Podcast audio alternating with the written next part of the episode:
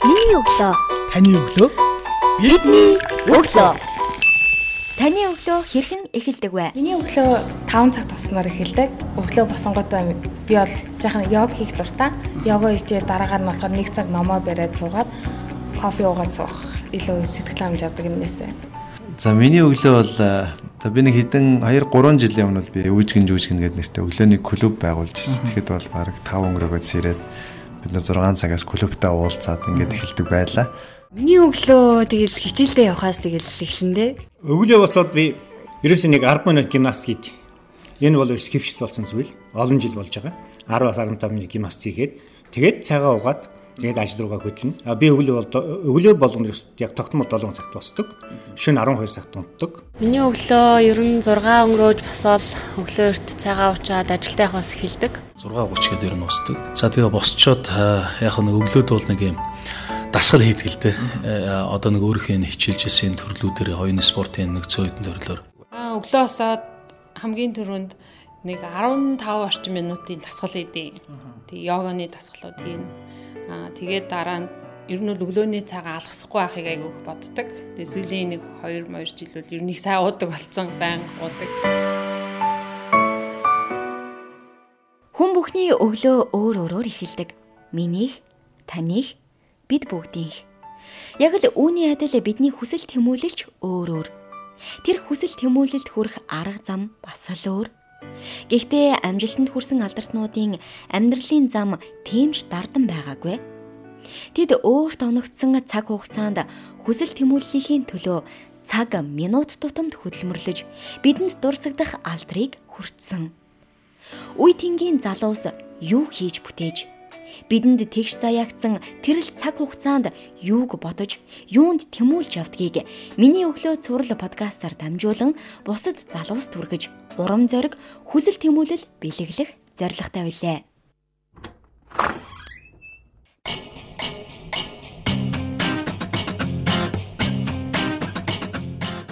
Сонсогч та бүхэнд шинэ 7 өдрийн өглөөний мэндийг хүргэе. Миний өглөө сурал подкастын 30 дахь дугаар танд хүрч байна. Өнөөдрийнхөө 30 дахь дугаарын зочноор Ногоон нэтэн компани үүсгэн байгуулагч Сахирал Алтан гэрэлтэй ярилцгаар студид өргөцсөн байна. Танд шинэ өглөөний мэндийг хүргэе.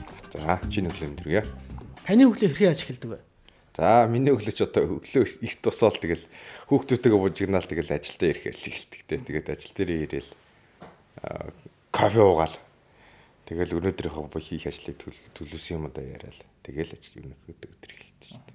Өглөө болон хамгийн түрүүнд босоод хийдэг дадал зуршил болсон ямар үйлдэл байдаг вэ? Мм хамгийн түрүүнд босоод хийдэг дадал бол 2 яг усуудаг. Тэгээ тэр бол нэг ходоодыг нөгөө амраах тэгээд шүн нэг унтцаач юм чи нөгөө одоо ячаа штэ амар ам ам хатсан гэдэг дихайдрет болчих усч ирдэг. Тэгэнгүүт нь тэрийгээ нөхөөгөө тэгээд нөгөө ходоод гиз бөөгөр гэл бүх л бүнүүд үргэлтэнд орд ажиллагаанд ороход бэлтэж байгаа гэсэн үг байхгүй. Тэр утгаараа хоёр хоёр стакан суучаад тэгээд 30 минут энэ яахан хүлээж байгаа л тэгэл үлийн цаг боддог тоо. Өдрөө ажлаа хэрхэн хаж төлөвлөдөг? Төлөлтөө юунд өргөтөлдөг вэ? Ер нь бол манай байгууллага төлөлтөө болохоор Google календар төрөлтөлдөг. Тэгээд тэр утгаараа ер нь төлөвлөгөөнд явдаг. Тэгээд миний ажилтгт бас их төвхтэй төлөвлөсөн ажлуудаас нь гинт гинтийн ажил амир гарч ирдэг. Тэгээд заримдаа төлөвлөөгүй байж гэсэн юм гарч ирнэ. Заримдаа төлөв гинт нөгөө төлөвлөсөн байсан ажил нь цуцлах ч юм уу тэгэл аюу хэцүү тийм яг бөөнөрөө олон хүмүүс там төлөвлөсөн ажилладаг бол яаж хийж байгаа л зохицуулах хэлчихээд зохицуулал очих хэлчихэдэг л дээ. Тэгээ одоо сайхан ч гэсэндээ бас нэг эхлэлийн цаг нэг арга хэмжээ зохион байгуулахад ажлын нэр сайн амжихгүй мангар том хурал дээр ганцаараа бүрээр ицсэн байдгийг хоол идэж юмчихгүй. Тийм ба.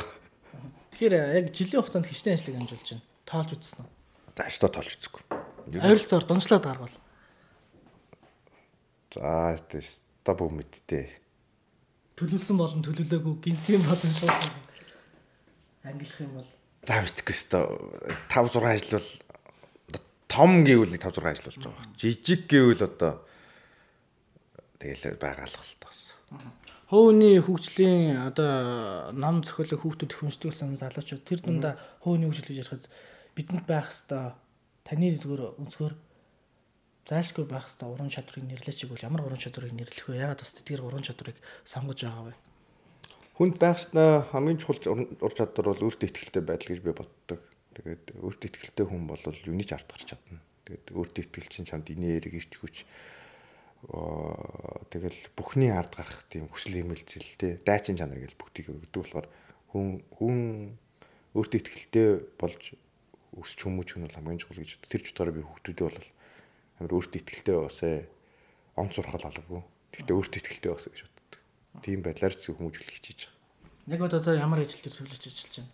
Яг одоо нэг коронавирус гарцсан байгаа. Тэгээд тэрэн дээр нэлээд анхаарал манайх сайхан нэг plus ion water гэдэг нэг тийм ариутгал алдар гүтлийн электролиз ус гаргасан. Тэгээд тэрийг их үйлдвэрлэж байна. Тэгээд тэрийг одоо бас нэг олон нийтэд хүргэх гээд ажиллаж байна. Тэгээд тэр бол бас нэлийн дөрвтэй ажил байх болов уу гэдэг. Ягаад ийм усыг хийсэн бэ гэхээр шалтгаан их энгийн л дээ. 2 жилийн өмнө би дөрөвхтэй. Тэгээд дөрөвх чинь нэг нь ингээл ханиад үрдгийг. Тэгээл нөгөөт нь нөгөөх нь дараагийнхтай ханиад үргээ. Тэрэн дараах ингээл яг шиг бүтэн гэрт дотор нэг тойрог явдаг байхгүй. Эхлээд нэг нь ханиад өрөө дөрөв хүүхд ханиад үрэл тэгээд ээж нь хүрээлгээл аав нь хүрэл тэгээд нэг тойрог дуусдаг байхгүй. Тэгээ яг тэр хүрээнд ингээд нэг хүүхд нь ханиад өрөнгөд имлэг рүү авчиж үзүүлээд гэж очиод тэгээд илүү хүндэрчээр үргэлжлэдэг. Илүү өөр ханиад авчиж үргэлжлэдэг. Тэгэхээр имлэгийн орчин дотор ингээд агаарт байгаа хүүхдийн бактери чинь шинэ ингээд вирус гэж юм бактери хүний биед ороод ханиад тулгаа ханиад үргээд байгаа. Тэгээ яг бид нар 2 жилийн өмнө эхлээд энийг юу яаж устдаг, агаарт байгаа бактерийг яаж устдаг ингэж хайж судлаад тэгээд хамгийн анхны электролиз ус гэдэг нэг болоод 2 жилийн өмнө үйлдвэрийг оруулж ирээд тэгээ одоо ингээд нутгшуулаад үйлдвэрлээд ингэсэн. Тэгээ өнгөрсөн жил болохоор бид нар чинь баахан байгууллагуудаар судалгаа шинжилгээ хийлгүүлээд ерөнхийдөө болж ийн ийн гэдэг энэ жилээс одоо хавар нөгөө хаврын авсарганд нэг хүн ханид ирдэг шүү дээ байгууллагууд. Тэрэн дээр гаргыг бодож чигээ корона гараа тэгээд одоо за тэгвэл коронавитойгоо дайт та гэж бодлоо байж да. Таны ажлын одоо ажил мэргэжлийн бусцаас ялгарх онцлогны юм бол бас байгууллагынхаа үйл ажиллагааны чиглэлийн талаар сонсогч залуучууд мэдээлэл өгвөл. Манай би чинь лабораторид ажилладаг. Манайх ногоонт ингээд байгальчтай шинжилгээний лаборатори байгаа. Тэгээ бидний гол хийдэг ажил бол агарын чанарын шинжилгээ байна. Тэгээд агарын чанарын иж бүрийн шинжилгээ хийдэг. Хийхийг зориод 5 жилийн өмнөөс эхлээд ингээд лаборатори байгуулад өнөөдөр ажиллаж байна. Аа энэ хүрээнд болохоор бид нэг агаарт байгаа нөгөө N2, SO2 гээл озон мозон гэл энэ органик биш нэгдлүүдийг тодорхойлдог болсон. Аа давхар бид нэр органик нэгдлүүд буюу нөгөө янз бүрийн химийн бэцэн уусгачтаас өндөр ялгарч байгаа эсвэл химийн бэцэн будаг энтерс гарч байгаа тэр органик нэгдлүүдийг болох тэр бензол, этил бензол, кислол гэсэн битийн формалдгид гээл энэ зэргийн энэ чиглэлийн одоо бохирдуулагчийг тодорхойлдог юм лабораториг иж бүрэн ажиллуулж байгаа. Тэгээд энэ бол яг агарам агарам арт дотор байгаа химийн бохирдуулагчдыг тодорхойлно гэсэн үг. А нөгөө талд болохоор биологийн бохирдуулагч бас байгаа. Тэгээд хөөгц мөгөнцөр те бактери бактери гэдэг. Тэгэхээр энийг бас одоо бид нэр судалдаг, тодорхойлдог, шинжилдэг тийм лаборатори байгуулах гэдэг ажиллаж байна. Ер нь 5 жилийн өмнө анх лабораторио байгуулж исэн тэр төсөөдөл яг одооны төвшин хоёр хэр одоо нийцтэй байна. Таны төсөөлжсэн тэр төсөөл хүлээлт за ер нь ямар ч компани бай шинэ ажил эхэлж байгаа хүмүүс нэг тийм төсөөлт өгдөг. Жилийн дараа ихэд би нэг ийм төвшин төрнө. 2 жилийн дараа ийм төвшин төрнө. 3 жилийн дараа ийм төвшин төрнө гэдэг. Тэгэхээр таас тухай байгуулж та 5 жилийн дараа би энэ төвшин төрнө гэдэгс төсөөлөл байсан бах. Тэр төсөөлөлд хүрсэн үү? Хүрч чадаагүй. Ягаад тэгэхээр 5 жилийн өмнө ч одоо би чинь 20-тэй 20-ийг худлааш 30-таас. Тэгээд тэр үеийн айгүй гин томоог байсан юм уу? Айгүй өдрөгөр цөлжсэн. Тэгээд тэр төвшлөлт хүлээлтэнд бол хүрч чадаагүй. Гэхдээ бас тийм үү биш тий. Бид нэр бодсон сансан бүх юм бол яг л ном журмын дагуу. Одоо хурдын хувьд ингээ удаан ч гэсэн яг очих зам замлаараа л ингээ явж байгаа. Тэгэхээр тэр утгаар бол бид нар бол яг зөв замлаар явж ийл бодож байна. Цаашдын алсаараа. Цаашдын алсаа хараа бол ер нь бол одоо ингээ лаборатори ингээд бүтээгдэхүүнгээр бид нэр болохоор шинжилгээнд суурилсан бизнесийн модель гэдэг юм их гэж зорж байгаа. Одоо Монголын бизнес бизнес ингээ хараад байгаа ерөөсөө одоо одоо бүгдийг хэлж байгаа юм биш үү? Ерөнхийдөө айл болох тийм худалдаа юм бүтээдэг биш зүгээр л эндээс нэгийг аваад нөгөө зараад байгаа юм модель юм шиг харагддаг. Тэгэхээр миний бодлоор бол бид бүтээгч болох хэрэгтэй. Бүтээгч болохын тулд бид нэр шинжилгээнд суурилсан мэдлэгтэй мэдлэгэн дээр суурилсан бүтээгдэхүүн болох хэрэгтэй гэж боддог. Тэгэхээр тэрэнд ийм тулд бид нэр бол илүү шинжлэх ухаанч юм мэдээлэл суурилсан, технологи суурилсан ийм бүтээгдэхүүн үйлдвэрлэдэг болъё гэж бодож байгаа. Тэгээд дараагийн зөвлөлт нь бол мэдээж чаддаг бол экспортлогч шүү. Нэгдүгürt хүн, хоёрдугаарт нь байгууллага, гуравдугаарт нь улс болмоор. Ер нь тодорхой нэг ажлыг ямар ч хүн эхлүүлэхэд саад бэрхшээл тулгардаг орхидог зарим цаашаа ингээд улам өөрийгөө зоригжуулаа явуулдаг. Ер нь тийм нөхцөл байдал хүрсүүдэд та өөрийгөө хэрхэн яаж зоригжуулдаг вэ? За одоо биш айгу хязгааргүй тэнийг хүн гэдэг шиг хязгааргүй өдрөх хүн шүү дээ. Балер өдрөх. Тий, балер өдрөх хүн. Тэгэхээр ер нь бол нэг яах нь баг. Одоо тийм яа нэ би чадахгүй нэ гэдэг юм би ямчихгүй юм шиг байна гэж бодгоно бол баг. Ингээ бодхол бодвол аль болох чулаах байг. Жохон өөртөө ажиллаад өөрөө юу хийж байгаа бодоод юмаа гаргалгаагаа сайн бодоод нэгс нь л бизнес бяцлах гэх юм уу тий. Жохон бяцлалын хэрэгтэй гэдэг. Тэр нь л аюу зүг байна. Өдрөг би энийг чадахгүй байх гэсэн бодолтой хүмүүс хөвчлэн бас аа тойрон хүрээлж байгаа хүмүүс дундаа тусалчих юмсан ажлыг амжуулж гисэн гэсэн хүсэл эмнэлцгээсээ болоод үгүй гэж хэлж чаддаг юм шиг байт юм. Тэгэхээр та хэр үгүй гэдэг үгийг зөрөгтэй хэлж чадах вэ? Ер нь бол амар итгэхгүй чадахгүй гэдэг. Амар зөрөгтэй хэлдэг шүү дээ. Яг тэгвэл хоёрын хооронд хүнд зааг эхэлчихэж хэцүүдэг хөөх. Өөрөө тэрэндээ шаналал. Тэрэндээ гэж. Хүрхгээл бүр зовоол стресстэй л тэгдэг. Тэгэхээр би бол ер нь бол чадахгүй гэдэг үг бол амар зөрөгтэй хэлдэг. А чадвал чадсан шиг чадмаар байна чадахгүй бол чадахгүй шиг чадахгүй. Тэрнээс 20 хооронд 3-ын дунд нэг чадах гэж байгаа юм шиг чадахгүй ч юм шиг ингээд ингээд нэг одоо муугаар хэлэл алцгаах дургу. Тэг чадвал чадал чадахгүй л чадах. Та өөрийгөө 3 үгээр хэлэх хэлвэл тодорхойлбол. Би ямар харагц асуулт вэ? За одоо юу Хэрэгтэй хүмүүс гаднаас ч юм уу найсагт үргэлт монитор эднэр зарлахт ч юм уу гээд тодорхойлж хилдэг л ах л та тийм хүмүүс. Тэр хүмүүсийн таныг харж байгаа үнцэг таны яг өөрийгөө харж байгаа үнцэгтэй хэр бодит байдал нийцэж байна. Хүмүүс нэг хөөрхөн мөрхөн л гэдэг идэг шүү дээ. Үнэн бахоо тэр олгол тэгээд идэх юм чи тээ. Олны үг оргуу бахоо гэдэг шиг тээ. Гэтэ би ихний асуултанд хариулт авч чадаагүй. Өөрийгөө тодорхойлох. Мэдхгүй тэнд энд бол хариулахгүй. Гэтэ бодож үзэх хэрэгтэй байна. Тийм бодож үзье. Тэгээ баслагч ийж чи 5 жилийн дараа дахиад нэг асуугаад үзье. Тэр үуч хариултаа байх чи идэггүй. Яг одоо та юунаас ад жаргалыг ихэр мэдэрч байна? Ер нь бол гэр бүлээсээ л ад жаргалыг хаврах мэдэрч байгаа шүү дээ. Тэгээд гэр бүл гэдэг нь болохоор нөгөө жижиг хүрээлийн гэр бүл гэдэг нь л яг өөрийн эхнэр хүүхэд ээж ахын төс тээ. Аа өргөн өргөний гэр бүл гэвэл найз нөхөд тээ Тэгээд ажлын хамт олон гэдэг юм уу. Тэгээд аль алнаас нь л гоё мэдээлэл таашаал авдаг. Одоо таашаал гэдэг нь юу гэдэг урам зориг, ирч хүч авч байгаа тийм. Яг тийм таашаалын таашаал бас буруу арт ойлгороо тийм байгаа. Тэгээд илүү их тэднээс ирч хүч авч урам зориг авч өөрсдөө илүү таньж тэгээд илүү илүү их гоё гоё бүтээл хийхийг зорддог шүү дээ. Тэгээд тэр хамгийн гоё. Өөрийнхөө цаг хугацааг хэр үнцэнтэй хүмүүсээ зориулж чадчихна чадж байгаа л гэж чадахыг хичээж байгаа л гэж бодож байна. Тэрнээс яг хүссэн хэмжээнд бол чадахгүй л байгаа. Гэтэ оролдож чармааж байгаа тий. Хөгжил гэдгийг та тодорхойлооч. Хөгжил гэж яг юу гэх юм бол таны тодорхойлолтоор таны үндэсгээр. Хөгжил гэдгийг бол би ер нь нэлийн хүн төвтэй юм боддгийн. Тэгээд миний бодлоор хөгжил бол хүний хүнд л илүү хүн өөрийгөө хөгжүүлэх дотоод хүн мөн чанар хов хүнээ хөгжүүлэх нь л аюу тум хөгжлийн гаргалгаа юм шиг би ч одоо интегт энэ оюутан байсан. Хятад ч гэсэн ингээд өндөө явчихсан. Тэгээд хүн хүний дотоод мөн чанар ингээд өөрчлөгдөхгүй одоо нэг тийм ханхуу бүдүүлэг эсвэл соён гэгэрээгүй ийм байгаад байхаараа чинээ гоё орчинд ч гэсэн тэгэл яг л нэг тийм бохор мухай тийм сөрөг байдалтай байгаад идэм билээ. Чин тэрний тод жишээ бол одоо чинь гадаад тутсан ингээд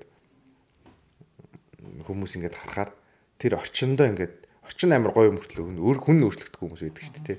Тэр интэг хятад их ягаалсан гэхээр хятад интгийг уулсан ингээд амар хөө баяжаад хөгжөөд ингээд том болцсон ч гэсэндээ нөгөө талдаа болохоор юу ячаад байгаа байхгүй. Орчин амар гоё болцсон мөртлөө хүннийхэн сэтгэхүй өөрчлөгдөх болохоор тэр гоё орчинд айгүй муу муухай тэгээ бохир заваа ингээд байгаад байт юм байна. Тэгэхээр хүнийг ингэж өөрчилж хүний хувь чанарыг ингэж өөрчлөх айгүй чухал. Тэгээд хүмүүс ингээд мэжигийн шинжил мэнчил гээл тэгэл идэг шүү дээ. Тэгэл Meiji ингээл Япончууд 40 50 жилийн дотор дэлхийн 2 дугаар дайны үргэлжлэгч том гүрэн болсон болсон гэл яриад байдаг. Япончууд тэрнээс өмнө тэр хүү хүнийхээ хөгжлийн тал дээр хүү хүний сэтгэхүйг өөрчлөхөөр амар сайн ажиллаж чадсан. Дэлхийн 2 дугаар дайны дараа нурам турсан гэл босоод ирж босоод ирсэн гэл боловч тэрийг хийдэг инженерүүд нь байгаа юм. Тэрийг хийдэг ажлын хүч нь байгаа юм. Тэрийг хийх сэтгэл зүрх зориг байгаа. Тэгэхээр тийм үед бол юу ч босгож чадах юм байна гэж би ойлгодог юм. Тэгэхээр бид нар хөгжлийн тухай ярихаараа үнэтэй машин, үнэтэй гар утас, гоё өндөр байшин, өргөн зам, доктортой цахилгаан эрчим хүч, сайхан хоол гэж бодох хэрэггүй байна. А тэрийг яаж хийж бүтээдэг оюун ухаан, тэрийг бүхийх, бүтээх зориг, тэмүүлэл, хүсэл эмэлзэл эдгээр бол хөгжил. Аа тийм хөгжлийн хүсэл эмэлзэл боловсрол мэдлэгтэй болсон нь бол бусад төрөний ярьсан нөгөө машин зам, материал хөгжил бол хүссэн үсэг хүрээлэн. Тэгэхээр бидний хамгийн өмнө одоо тулгарч байгаа хамгийн том зорилт бол өнөө хөгжүүлэх. Тэр мэдлэг боловсролыг илүү өргөн дараагийн түвшинд оруулах нь л гэж байна гэж бодож байна. Тадлын залуучуудаа суралцаж явж хат Монгол залуучуудаа харьцуулж лээсэн баг. Тэгэхээр э, яг одоогийн түвшинд залуучууд таны харж байгаа өнцгөр ямар түвшинд байна? Мм ер нь бол манай залуучууд амар мундаг байгаа гэж би бодож байна. Тэгэл дэлхийн лаглагт одоо амар лаглаг сургуулиудыг төгссөн залуучууд байна. Тэгээд орчин үеийн залуучууд зоригтой байгаа. Амьдралдаа утга учиртай амьдрахыг хүсэж байна. Тэмүүлж байна те. Тэгээд тэрний хөтлөө өөр өөрсдөө шахаад хүчлээд амар мундаг ажиллаж чадчаа гэж байгаа. Бид чадахгүй ч бүлэгс байгаа л байна та. Гэхдээ том зураг нөхөр бол чадчихагаа. Бидний хүүхд байх үеигээс илүү их мэдлэг мэдээлэлтэй болсон, чадамжтай болсон.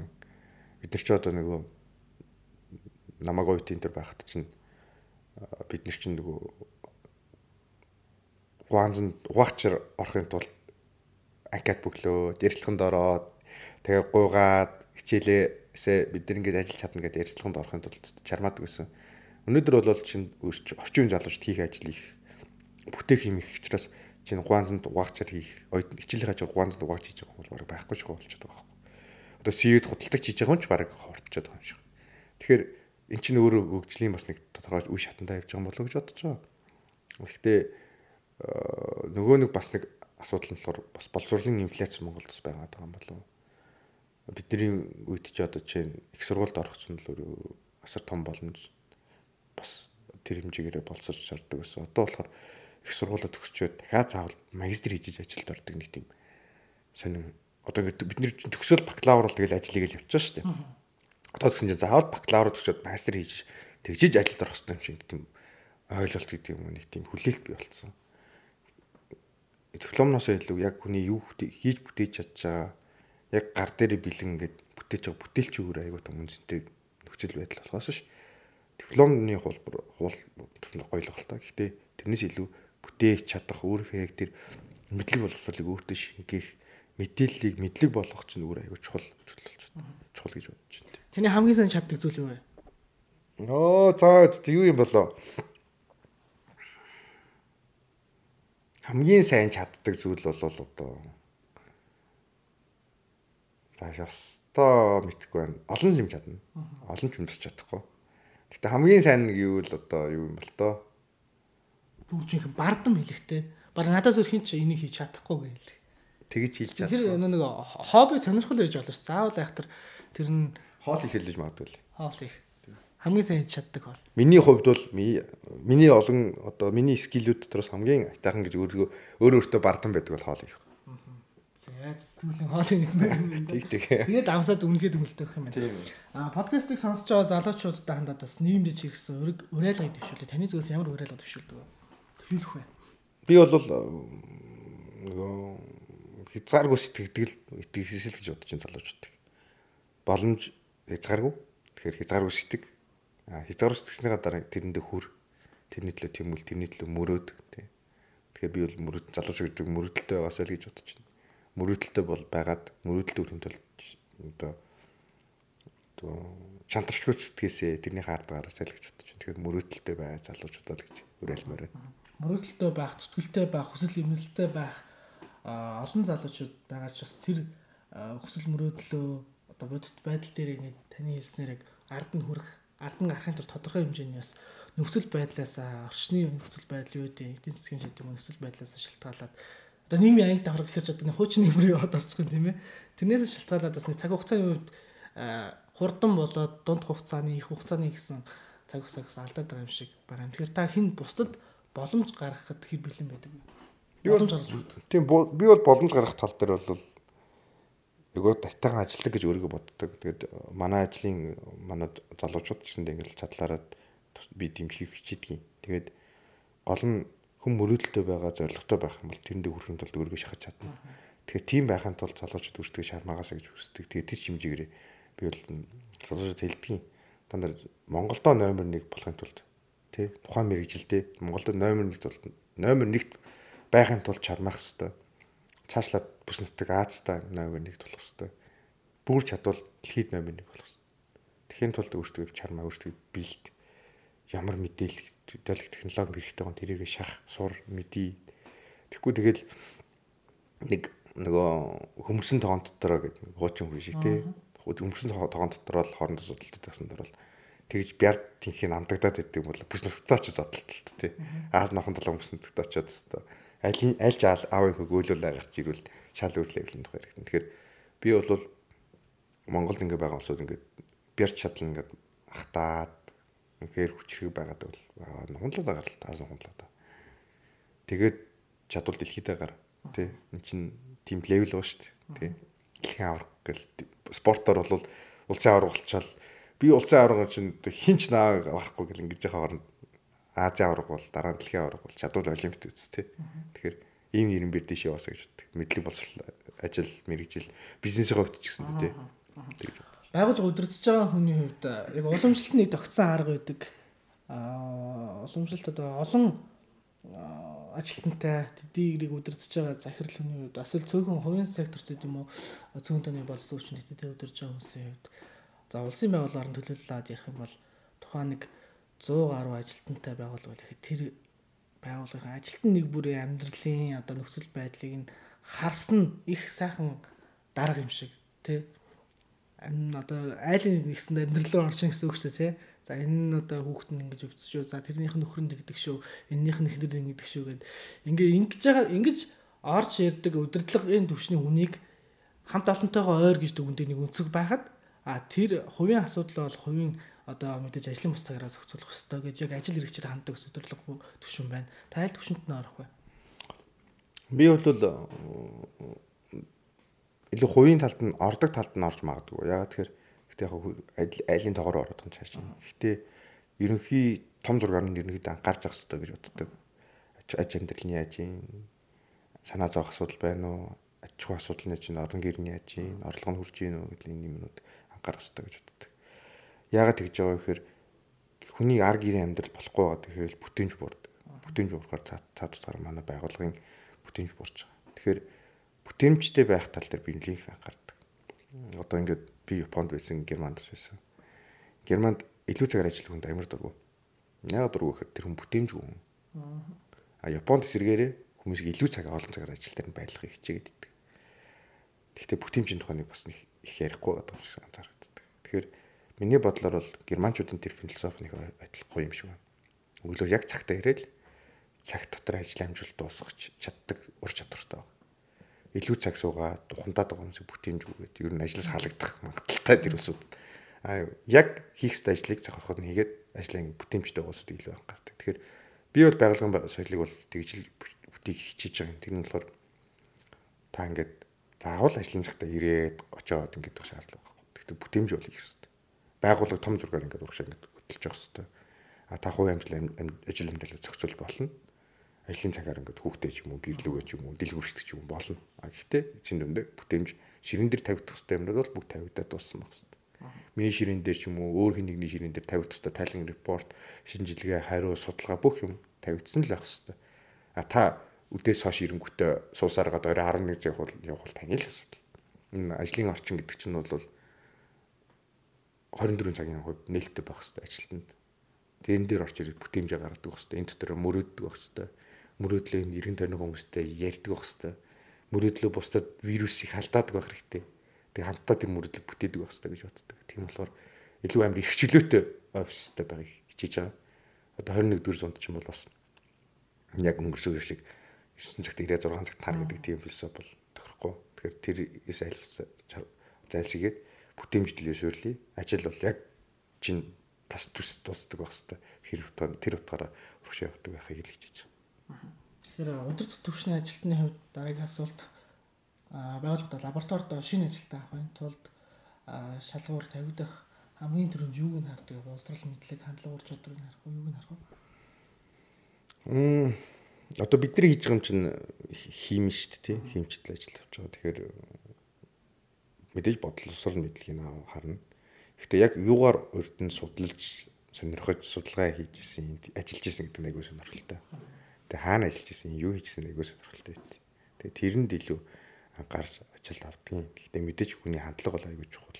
Амар чухал нь хэсэг нь хандлага хамт олонныхоо ингэж нийцтэй байдал гэдэг юм уу. Бид нар ч юм болохоор одоо ингэ нийгмээр ингэж харахаар нийгэм дотор ч яг тийм байгаад байгаа байхгүй юу. Хамт олон ингэж хамт олонны уур амьсгалч өөр айгүй тийм эмзэг бөгөөд чухал хэсэг байна. Тэгэхээр хамт олонны уур амьсгалыг ингэж баланстай барьж явахын тулд тэр хүмүүний орд шинээр орж иж байгаа хүмүүс нэг талаас хүмүүжилж байгаа шүү дээ. Өөрийнхөө философи өөрийнхөө одоо хандлага соёл сургаж байгаа. Тэгэхээр байгалийн соёлтой соёлоо бид нэг яг гэр бүл шиг байхыг хичээдэг.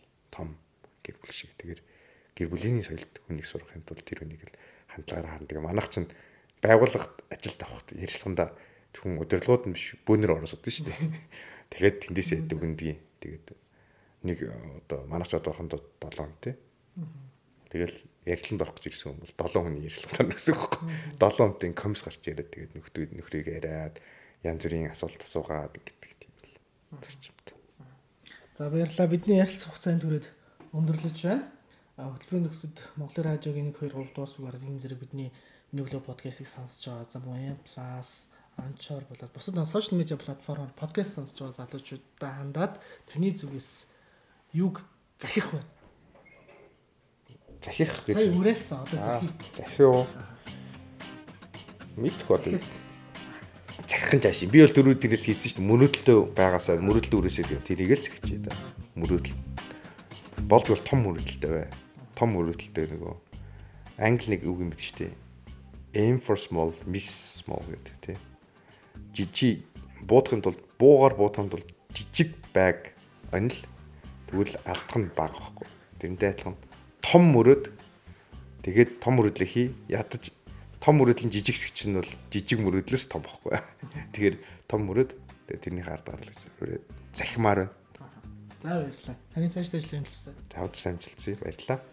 Эрхэм сонсогчдоо миний өглөө сурал подкастын 30 дахь дугаар танд хүрлээ. Шинэ 7 хоногийн даваа гарагийн өглөөний 7 цагтаа иргэн уулзъя. Bye.